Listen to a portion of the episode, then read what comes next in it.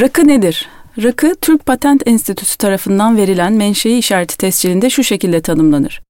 Rakı, karakteristik özelliğini Türkiye Cumhuriyeti sınırları içinde bulunan doğal unsurlardan, özellikle Türkiye'de yetişen üzüm, anason ve Türkiye'de uygulanan geleneksel üretim yöntemlerinden alan, üretimi, işlenmesi ve diğer işlemleri tamamıyla Türkiye sınırları içinde yapılan kendine has, distili alkollü içkidir.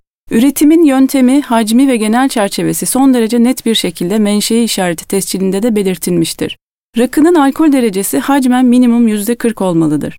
İçeriğinde bulunması gereken anasondan gelen anetol oranı da minimum ölçülerde belirtilmiştir. Rakının Türkiye topraklarında yaşayan çeşitli uygarlıkların kültürel mirasının sentezi olduğu Türk Patent Enstitüsü'nün tescilinde özellikle vurgulanmıştır.